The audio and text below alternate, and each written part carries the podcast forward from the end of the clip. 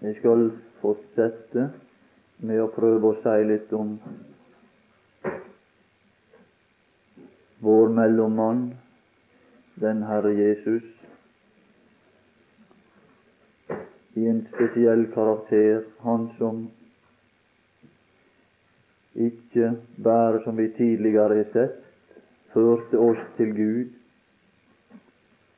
for å der hos Gud la oss forstå behovet for frelse og vår egen naturs bederv.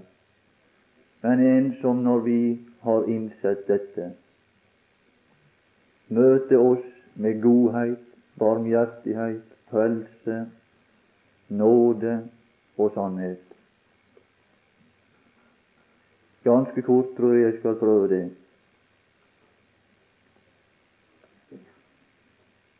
Han er den eneste person ifra tidens morgen og til tidens ende som kunne i sin person ha kontakt med en hellig Gud, og som samtidig kunne ha kontakt med oss vanhellige, ødelagte, fortapte, ruinerte mennesker. Han er den som Jobb nevner, som kunne legge sin hånd på oss begge, på Gud og på mennesket. Og det er sant om oss. Det kan også sies om oss, det som var sagt om ei ruinert verden. Den var øde og tom. Øde og tom. Men det som var vår, vår fortvilte tilstand, det var også det at vi ikke hadde evne til å forstå hvor galt det var. Vi hadde ikke sans og begrep om at vi er det vi er, og derav følger det neste skritt. Vi er ikke i stand til å søke legedom, legedom for vår sykdom. Vi flykter, og vi har flykta. Det er våre menneskets lodd, menneskets hjerte. Det var det Jesus så. Det var det Jesus så, og så sa han det. Den som gjør synd, da han er en synder. Han er en dårlig person.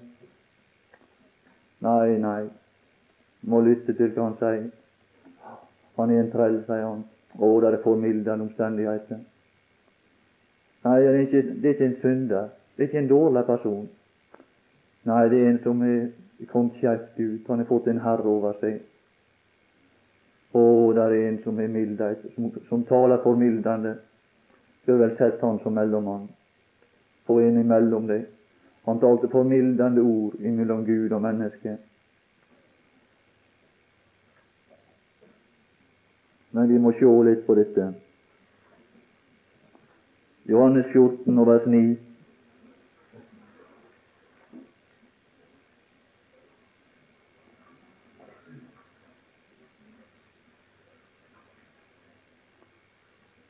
En tid her er vår mellommann. Han kom ikke bare på, på flyktig besøk, men han ga seg tid. Han ga seg tid her for at mulig så ga han seg, gjorde han seg mye, og så forsto vi så lite, og så ga han seg tid. For at mulig om jeg gir meg tid, kanskje de kan fatte, kanskje vi kunne forstå. Og så var det svært mislykka. For han, denne som sporet, Vis oss Faderen, sa han. Det var så vanskelig for oss å begripe denne virkelighet som skjules i den evige verden. Det som Han kom ifra, ene og alene for å formidle til oss. Og så når han hadde vært her i mange år, like før korset, så sa han det vis oss Faderen. Så var det så mislykka. Men så ga han seg tid, og så tok han atter til orde. Og så forsto de ikke noe da heller. Så tok han atter til orde. Og så til slutt så lykkes det. Skal han ta til orde igjen? Han, han, en dag så skal han ta til, til sverdet. Så skal han ta til makt. Men nå tar han til orde, og så ville vi også ta til orde. Så tar han til orde. Han tok det atter til orde. Jeg må prøve igjen. Så lang en tid har jeg vært Det er ikke en hvilken som helst person. Det er den eneste person som kan formidle Gud i verden. Det er Guds sønn. Den eneste som kunne, iallfall. Han er den eneste. For der er ikke noe der er ikke noe annet navn gitt iblant mennesker. Iblant mennesker, og vi er mennesker, og vi er her. Det kan hende det er andre i evighet, men vi kjenner bare Han som blei menneske for å formidle Gud til mennesket. Har jeg vært hos eder, og du kjenner meg ikke? Philip, den, den, den enkelte, den enkelte, den som har sett meg. Ikke den som har sett, men den som har sett meg, en bestemt person. Han som åpenbarer Gud i verden. Har sett, har sett Gud? Nei, ikke Gud. Men han har sett Gud i en bestemt form. Han har sett Faderen. Og Faderen, nei, det er en, en fin person. Nei, Gud han er avskrekkende for mennesket. Gud som er alles dommer. Nei, han vil helst slippe å ha med å gjøre mer. For jeg, jeg møtte en gang Gud når jeg var en synder, før jeg ble frelst. Og da, den dag da følte jeg vinkla, det må jeg si. Ikke visste jeg hva jeg skulle gjøre, og ikke visste jeg hva jeg skulle si. For jeg kjente så lite den personen. Og så ba jeg bønn, og jeg veit ikke, ikke sikkert det var et eneste brukbart ord i det heller. Men det er en som har fått med å gjøre. Å, det går an å ha samfunn med han. Med Faderen, skjønner jeg. Nei, den personen er litt overraska over. For han kan smile, han, du. Han kan smile. Og så går han og ser opp, så går han litt tilfreds.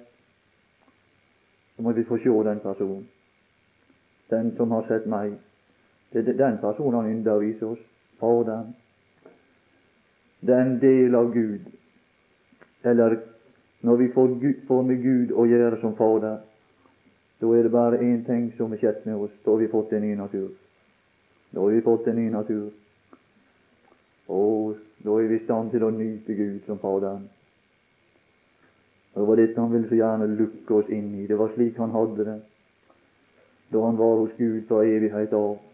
Dette fortrolige samfunn.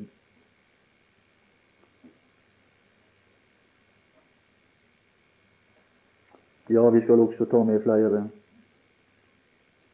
ord om dette. Og det bærer Han som formidler Faderen. Det står lenger oppe på samme plass her, i kapittel 6, nei, vers 6. Jesus sier til ham, Jeg er veien, sannheten og livet. Ingen kommer Ingen kommer til Gud. Jeg, da, jau. Du skal aldri ha noe atterlitt på det. Du kommer nok til Gud. Alle kommer til Gud. Men det er bare Gud kan du treffe både i tid og evighet, men det er bare i tida du kan møte Faderen. Det er bare her, det er bare her du kan møte Gud som Fader. Ingen, ingen kommer til Faderen uten ved meg, men så det, kan du komme der ved Ham og møte Gud som Fader. Så er jeg blitt blant disse lykkelige som ikke kunne før kunne ikke gå på møte. Hadde ikke noe glede av det. Så, så ga han meg et nytt hjerte og nye, nye lyster. Så, så kan ikke annet enn gå på møte. Tror du det at det er noe som er gjort sjøl? Han var nå langt derifra. Nei da, det var han som gjorde det. Fordi du gjorde det.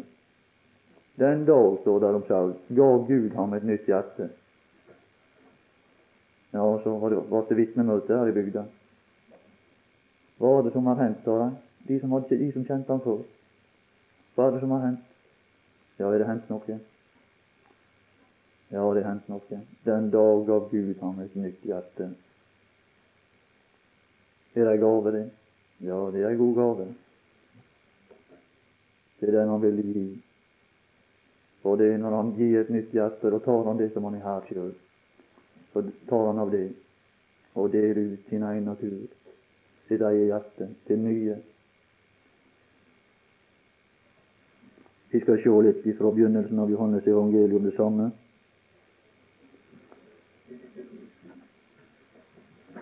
Og jeg må passe tida, jeg skal løpe ikke være for lenge.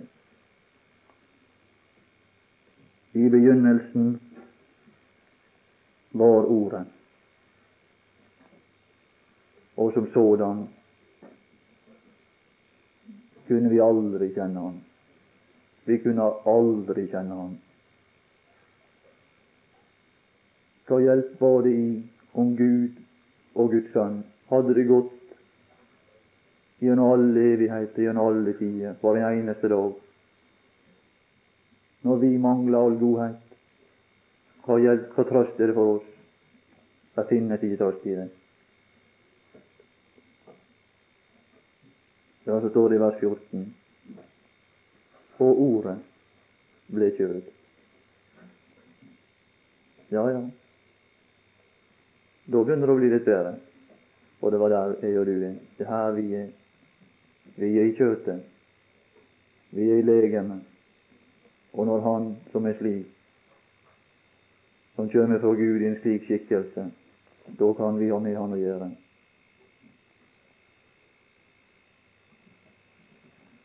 Da får vi se Gud i en annen person. Da får vi se Gud på en måte som gjør at vi kan stå for Guds ansikt uten redsel, uten frykt, uten å gå vår vei og flykte. Da kan vi bli stående. Og det var mange som stansa opp for denne personen. Men det var aldri massen. Men det var de som tok sin tid og ble stående hos Han og fikk høre de livssalige ord som gikk ut av hans munn og de fikk lytte til. Her står det med en, og siden traff Jesus ham. I tempelet står det. Ja, han traff ham. Skal du møte ham? Vil du møte ham? Det er noe å bli stående og i selskap med ham. Himmelens og jordens herre, og så gir han sin tid her. Så ga han sin tid så mange ganger. Han ga sin tid i Jeriko. Han var på vei for siste gang. Så gjorde han et stopp, og så tok han med seg en der. Unntagelser.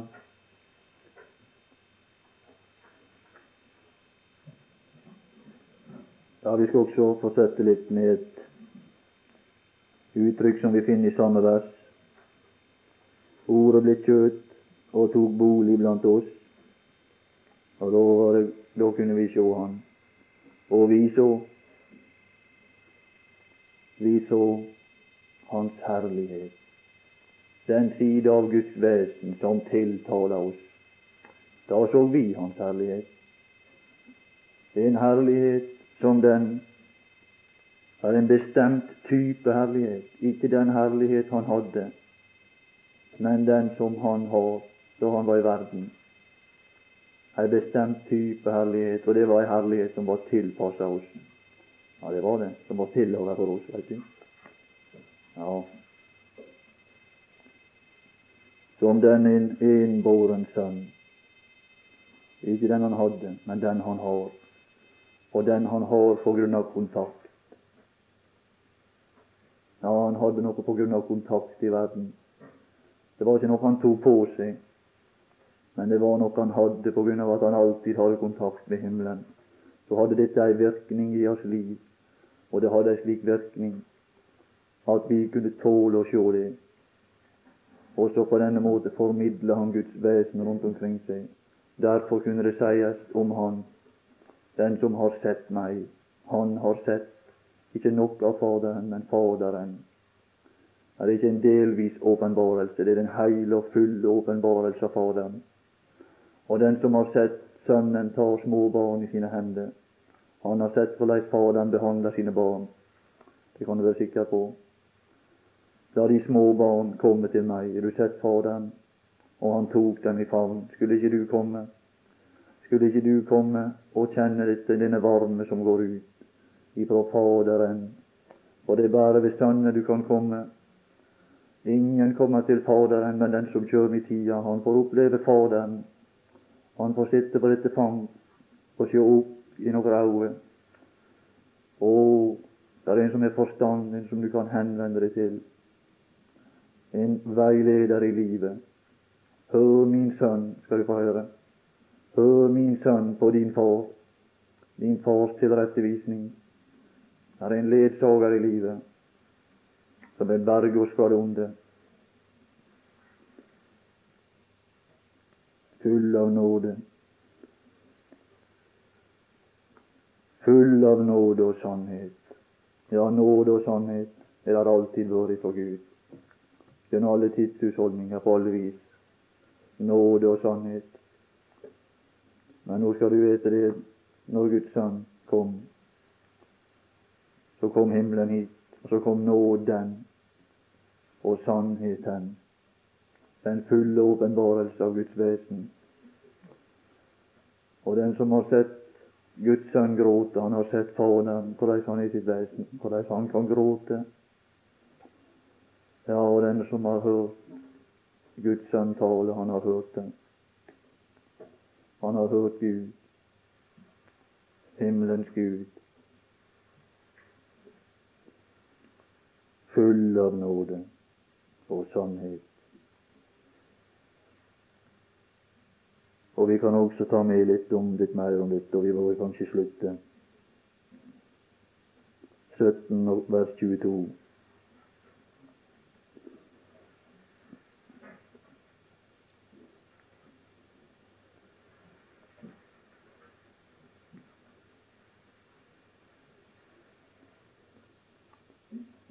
Og den herlighet.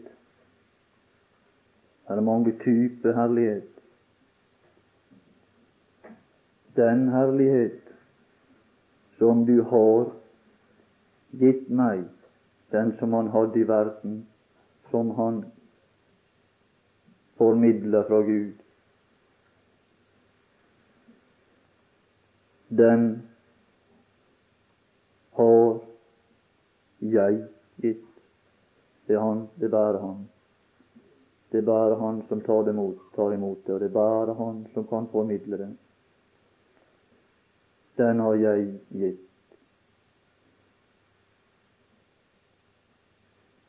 Dem. Ikke den herlighet som han la. Den er beskrevet i vers, i, i vers fem. Midt i verset den herlighet som jeg hadde, den væreform som han hadde da han var hos Gud. Men han kunne ikke komme som han var hos Gud, for ingen kunne stå for han å leve. Så måtte han ta et annet vesen. Så tok han et legeme og så tok han på seg ei anna herlighet, en form og type herlighet som vi kunne tåle. Og så kom han til oss på den måten. Og så fikk vi sjå, uten at vi døde, så fikk vi sjå og oppleve Han. Ja, det er godt at Han kom, vår mellommann fra himmelen, for å tilkjennegi det hjertelag og det sinnelag som vi aldri kunne fatte dette med vår formørka forstand. Vår formørkede forstand kan jo ikke sannhet kjenne. Det var ikke det vi ikke ville. Det var ikke noen ting hos oss. Vi hadde ikke evne til det. Skal vi bare til sist lese Hebreabrevet 1 vers 3, da? Var det vel? Iallfall Hebreabrevet 1. Han som er står det. Han som er avglansen. Han var ikke alltid det, men så blei han det.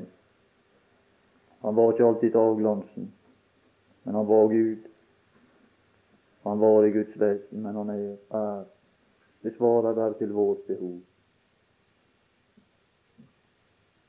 Han som er avglansen av Hans herlighet og av bildet av Hans vesen. Der er Guds vesen åpenbart i Guds sønn. Den som har sett, skulle ikke være noe å se på. Den eneste Gud. Den eneste Gud. Skulle ikke vi gjøre oss omak og ta en, et, et, blikk på Sønnen? For han er den eneste mellom himmel og jord, og tidens morgen til tidens kveld. Som nok en sinne åpenbarer Guds vesen. Det kan du være sikker på. Han er det eneste navn ved hvilken vi skal bli frelst.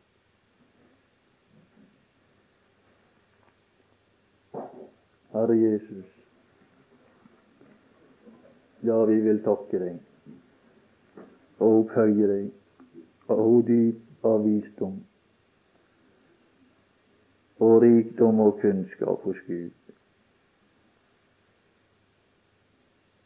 Vi må bare takke deg og stå her i undring over det som du har fått i stand, at du var ville. Takke deg for ditt hjertelag til den enkelte, at du kan gjøre deg møye, du som sjøl er så rik og så salig, at du likevel gjør deg mye med oss, som ikke engang har forstand på vårt eget beste, for å gi oss del, røst i guddommelig natur her og seinere ei evig lykke heime hos deg. Ja, vi er glad for det, den enkelte av oss. Vi takker deg og gir deg ære for det her i tida. Og vi ber for hverandre og ønsker det gode for hverandre. Ønsker oss det beste, den evige, den evige salighet og herlighet hjemme hos deg. Takk for denne kveldsstund. Takk for alle disse som gjorde seg umak for å være sammen med oss. I Jesu navn, for Sønnens skyld. Amen. Ocean in the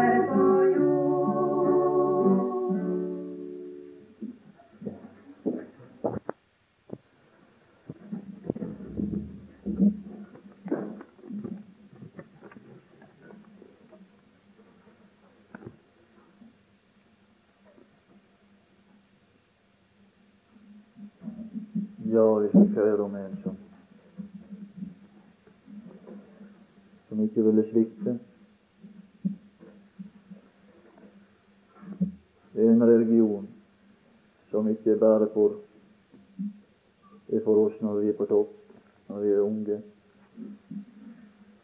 Unge og pene, nokså det. Og vellykka.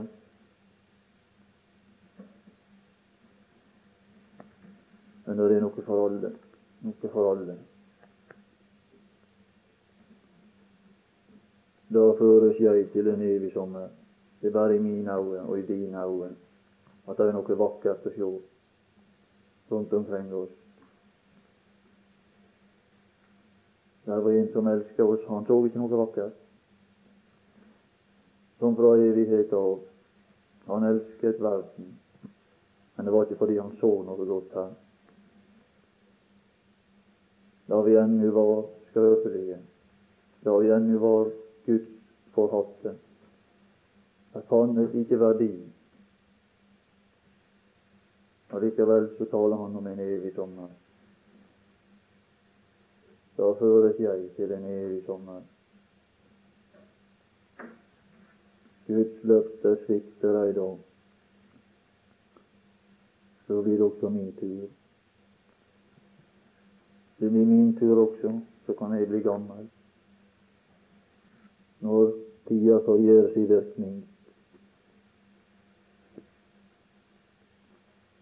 Guds løfte svikter deg da. Gud, han taler om en dal i festen. Flere daler. Og det var der Moses befant seg.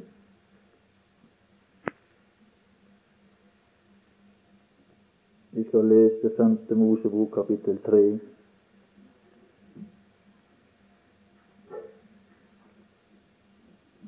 tre. Bare gi en idé om en måte å lese på. Kapittel 3 og 5. Mosebok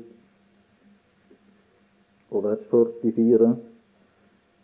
Og etterpå det skal vi gå videre i beskrivelsen av vår mellommann, som vi er både samla om. Det er veldig vanskelig for meg å komme liksom bort ifra den tanken nå, så vi får bare fortsette med det. Dette er den lov som Moses la frem for Israels barn. Dette er de vitnesbyrd og de foreskrifter og de bud som Moses forkynte Israels barn da. Femte Mosebok kapittel fire er det. Beklager. Kapittel fire og vers 44. Jeg hørte det ble så mye blåing der. Da de var gått ut av Egypten Og nå regner jeg med det at de fleste de er vel det er vel av disse som er gått ut. Og det skal være ganske rolig, men det er et program for de som er gått ut. De som er gjenløst, og de som har fått ut. Så jeg skal heller ta det programmet i kveld, tror jeg. Han tar opp til deg, så tenkte jeg skulle ta det. Han har noe for deg også. Og når han har fått deg ut, så begynner han å tale om et land. Så vi er ikke arbeidsledige. Og da må vi ha sverd. For det var det de brukte når de skulle inn i Kanaan. Ja, da måtte de benytte seg av Og den som ikke har sverd, sa Jesus, han får, får gå og få seg tak i et. Han får selge noe annet, og så får han tak i sverdet. Og det er nok i vår tid, og det må vi være klar over, at de får heller la andre ting gå, og så får de få tak i et sverd. Åndens sverd, som er Guds ord. Får heller la noe gå. Er det den innstilling? Den skal vi ha med oss. Så kan ikke vi ha sverd. Gideon han måtte også velge, som vi var inne på i dag, dag tidligere. Han, også, han sto også på valg. Han hadde valg mellom vin og hvete. Men så tok han hvetekornet, han tok vare på hvetekornet. Han sto da og tresket hveten i vinpersen for å berge for å berge den. For det er verdier i denne verden. Det er en verdi, og det er Guds verdi. Det er hvetekornet. Så får heller gleden la gå. Vin, det får heller spare i vår tid. Jeg tror det. Måtte vi ha et slikt sinnelag, iallfall litt av det. Må iallfall lære hverandre litt, om vi ikke alltid makter å leve opp til det. Om vi ikke vårt samfunn alltid driver oss til det. Om ikke vi alltid lever så nær vår Frelser, Han som lot all, all glede fare for å berge det som kunne være noe for andre.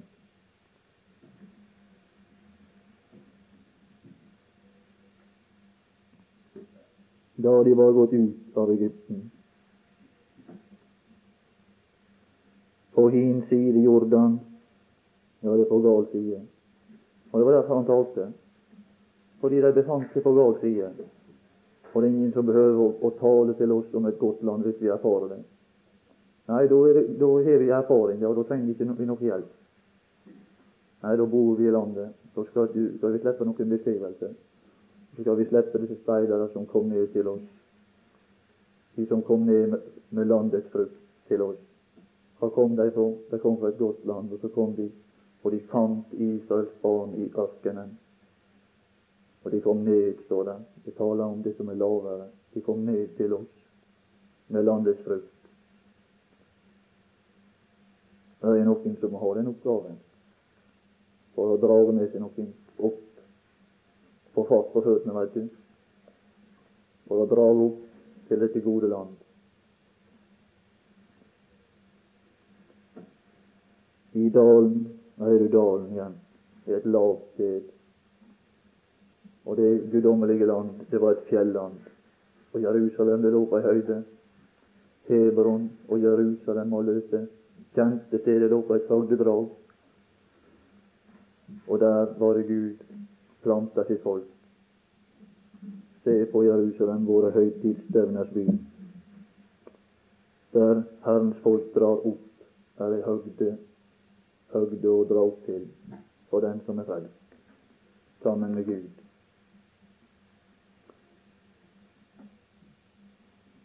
I dalen, ja, som hadde tilhørt i det land som hadde tilhørt. Her er noe som ikke tilhører lenger. Her er det noe som er an, Moses er slått. Konger som Moses, vår frelser og mellommann, er slått. Og som han så kan vi dra gjennom det land til det gode land. Da de var gått ut, står det igjen i det 46. vers, siste linjen. Og når han så begynner han på det femte kapittel, og så der i dalen så fikk de med en å gjøre som var i dalen, som var lavt nede for å heve dem til et høyt punkt. Og så står det han kalte alle til seg. Fordi han var i dalen, og der var ørken, og der var behov. Og han kalte alle til seg. Og så talte han om dette forjettede land, den himmelske virkelighet. Kalte hele Israel til seg og sa til dem, hør, her er inntrykk som må gå inn i oss for å la oss få del i dette. Og dette er ikke ved slutten, når han hadde talt fra seg, så la han igjen formaning på. Og så sa han det i det 33. kapittelet, at dette er ikke noe tomt ord for dere men ved dette ord skal dere leve og komme inn i dette land. De ord som den Herre Jesus talte før han gikk bort, det var ord som skulle bringe dette folk inn i opplevelsen av ei virkelighet som bare han og Faderen kjente til. Det gode land som han, som var hans område, som han bevegde seg i alene, som Abraham bevegde seg alene i landet først. Han er et bilde på Kristus som tok inn, inntok landet alene og derfor kan dele til andre. Men det, det fører meg en halv forvittelse, og jeg skal bare lese Kolossenserbrevet 1 av vers 19, som egentlig burde vel kanskje ha begynt på det først. Og tida den også går. Det beskriver vår mellommann, en spesiell side ved vår mellommann, og det er den, den gode side. Alt er godt for så vidt, men ikke alt som føles godt. Ikke alle har virkninger som føles like gode. Spesielt hvis vi ikke har en natur som kan, som kan like Gud. For det var Guds vilje. Og det var Guds vilje. Ja, det var ikke bare hans egen vilje, men Sønnen og Faderen var like på dette punkt. At hele hans bilde her er hele den guddommelige person. Hele guddommen er representert i vår mellommann. Der var personer som på grunn av Kristi framtidige gjenløsningsgjerning fikk del i litt av guddommelig fylde. Det løftet om Kristus som Moses også fikk. Han fikk del i den guddommelige fylde på grunn av Kristi gjenløsning. Men her kom den virkelige personen, den person som var den som alle talte om i fortid og viste fram til. Og når de i Det nye testamentet så viser alt tilbake til ett punkt. Er Golgata og Kristi død og standelse. Han gir alle profetene det vitnesbyrd. Det er bare han de taler om og det er om meg han har skrevet. Det er den, det store midtpunkt. Og hvis de går litt ja, skulle ta bolig, ta bolig i ham. Hele hans fylde. Og når vi kommer til andre kapittel, så er dette ønsket oppfylt, det er realisert, Gud har fått det til. Og han taler igjen, Paulus, om vår mellommann, og han sier det i det andre kapittel og det niende vers. For i ham, to ni, for i ham bor Der er det fullført. Der har han fått det til. For der bor hele Guds bilde. Hele den guddommelige person er representert i vår mellommann. Hele guddommens fylde legemlig, altså i ei form som er sanselig og tilgjengelig for mennesket. Det var det som var Guds store problem. Han kunne aldri før vise seg for mennesket slik han var. Derfor måtte han komme oss til hjelp på et vis. Og det gjorde han i å ikle sin guddommelige person et legeme og på denne måte åpenbarte han seg for oss uten at vi flykta og rømte, og uten at vi mistet livet.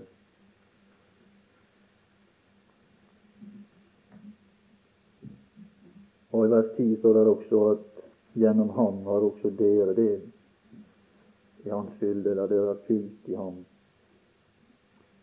Gjennom ham har også dere del i hans fylde, og det blir den andre side som, som eh, Paulus tar opp i andre Korinterbrev 4.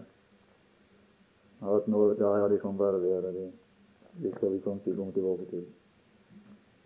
Det får være litt begrensa i tror. Første Johannes 1.1. Første Johannes brev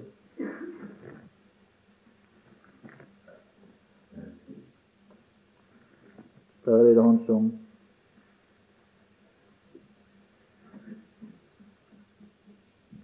som taler Johannes som, som lov til hans bryst. Et menneske Ja, det er ufattelig, sier dere. Det er ufattelig at et menneske som Johannes, som ble tatt fra, fra denne båten der han satt, og han en dag så står det beskrevet om, om denne personen at han, han, holdet, han, han liksom lå opp til Jesu bryst. Han holder seg opp til guddommen sjøl. Forstår vi hva slags person det var som var til stede? Det er i ham bor hele guddommen. Det er Gud sjøl som satt der den natt. Og det var dette han fikk føle. Våre hender følte på, seg han. Det var guddommen sjøl som satt der i en langfredag eller skjærtorsdag. Og så fikk han holde seg opp til det bryst. Og jeg skal fortelle deg, det forandret hans livsløp totalt. Han ble fullstendig forvandla. Og han ble kalt kjærlighetens apostel.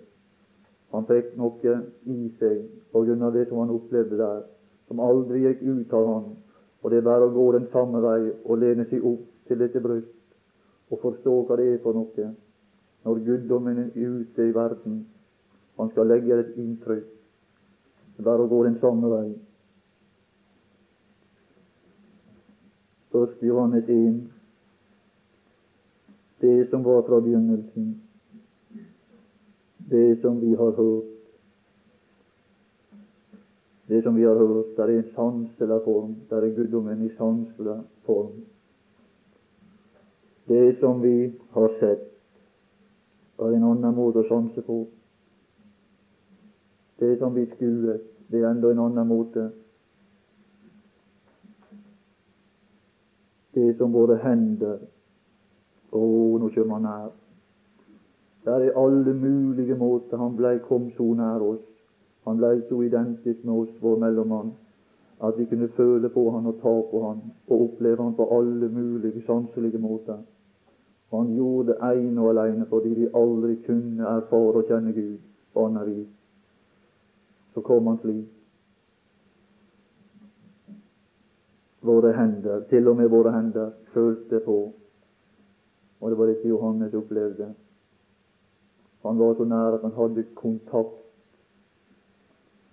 fysisk kontakt, med Gud, med Gud sjøl ved mellommannen. Ikke bare en del av Gud, men hele guddommen. Hele guddommens fylde.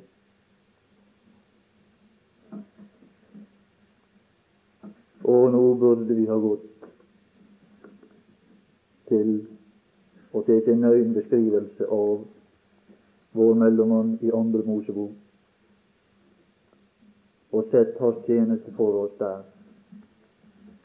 Men det blir det ikke tid til, og vi må slutte. Men det er en som tok vår plass når det var kritisk. Han tok vår plass. Det er sikkert, for han hadde en posisjon, skal vi se. Han hadde en posisjon hos Gud. Og denne posisjonen utnytter han bare på én måte, og det var til beste for oss. Alle tider når det var, var kritisk, så brukte han all sin innflytelse oss til gode. Og til mer kritisk det var, dess finere kommer hans karaktertrekk fram. Og når det var på det mest kritiske, da Gud hadde bestemt seg for å utslette oss, eller utslette dette folk som et forbilde på oss. Ja, så var det bare Så sa han det, vår mellommann, som vi har lært å elske. Ja, da skal du få et annet valg, sa han til Gud. Når det er dette som er konsekvensen, så kan du få prøve det. Da slett meg ut. Når han skulle slette ut dette folket av sin bok, så sa han det, du kan jo prøve om du kan slette meg ut. Nei, det var ikke så godt for Gud, det. Men så var det virkelig det som skjedde. Det var han som tok vår plass. Det var han som alltid brukte sin innflytelse til beste for oss. Så blei det historie, og så videre. Det blei en vei som fører fra Horeb til Amorittafjellene. Det blei en vei som førte gjennom Jordan. Det blei en vei inn til Gud. Herre Jesus. Ja, vi vil takke deg for vår mellommann, han som kunne og som ville legge sin hånd på oss. I den ene der var Gud, og i den andre der var jeg, som ikke var verdt berøring. Den spedalske, den elendige Herre Jesus. Takk for alt ditt verk, fra begynnelsen til enden. Hvem kan utgrunne det? Nei, det, det er for høyt. Jeg makter ikke. velsign oss alle. Tar ja den enkelte. La oss forstå. La oss fatte og føle og erfare de godhet i ørkenen på hin side. I Jesu navn. Amen.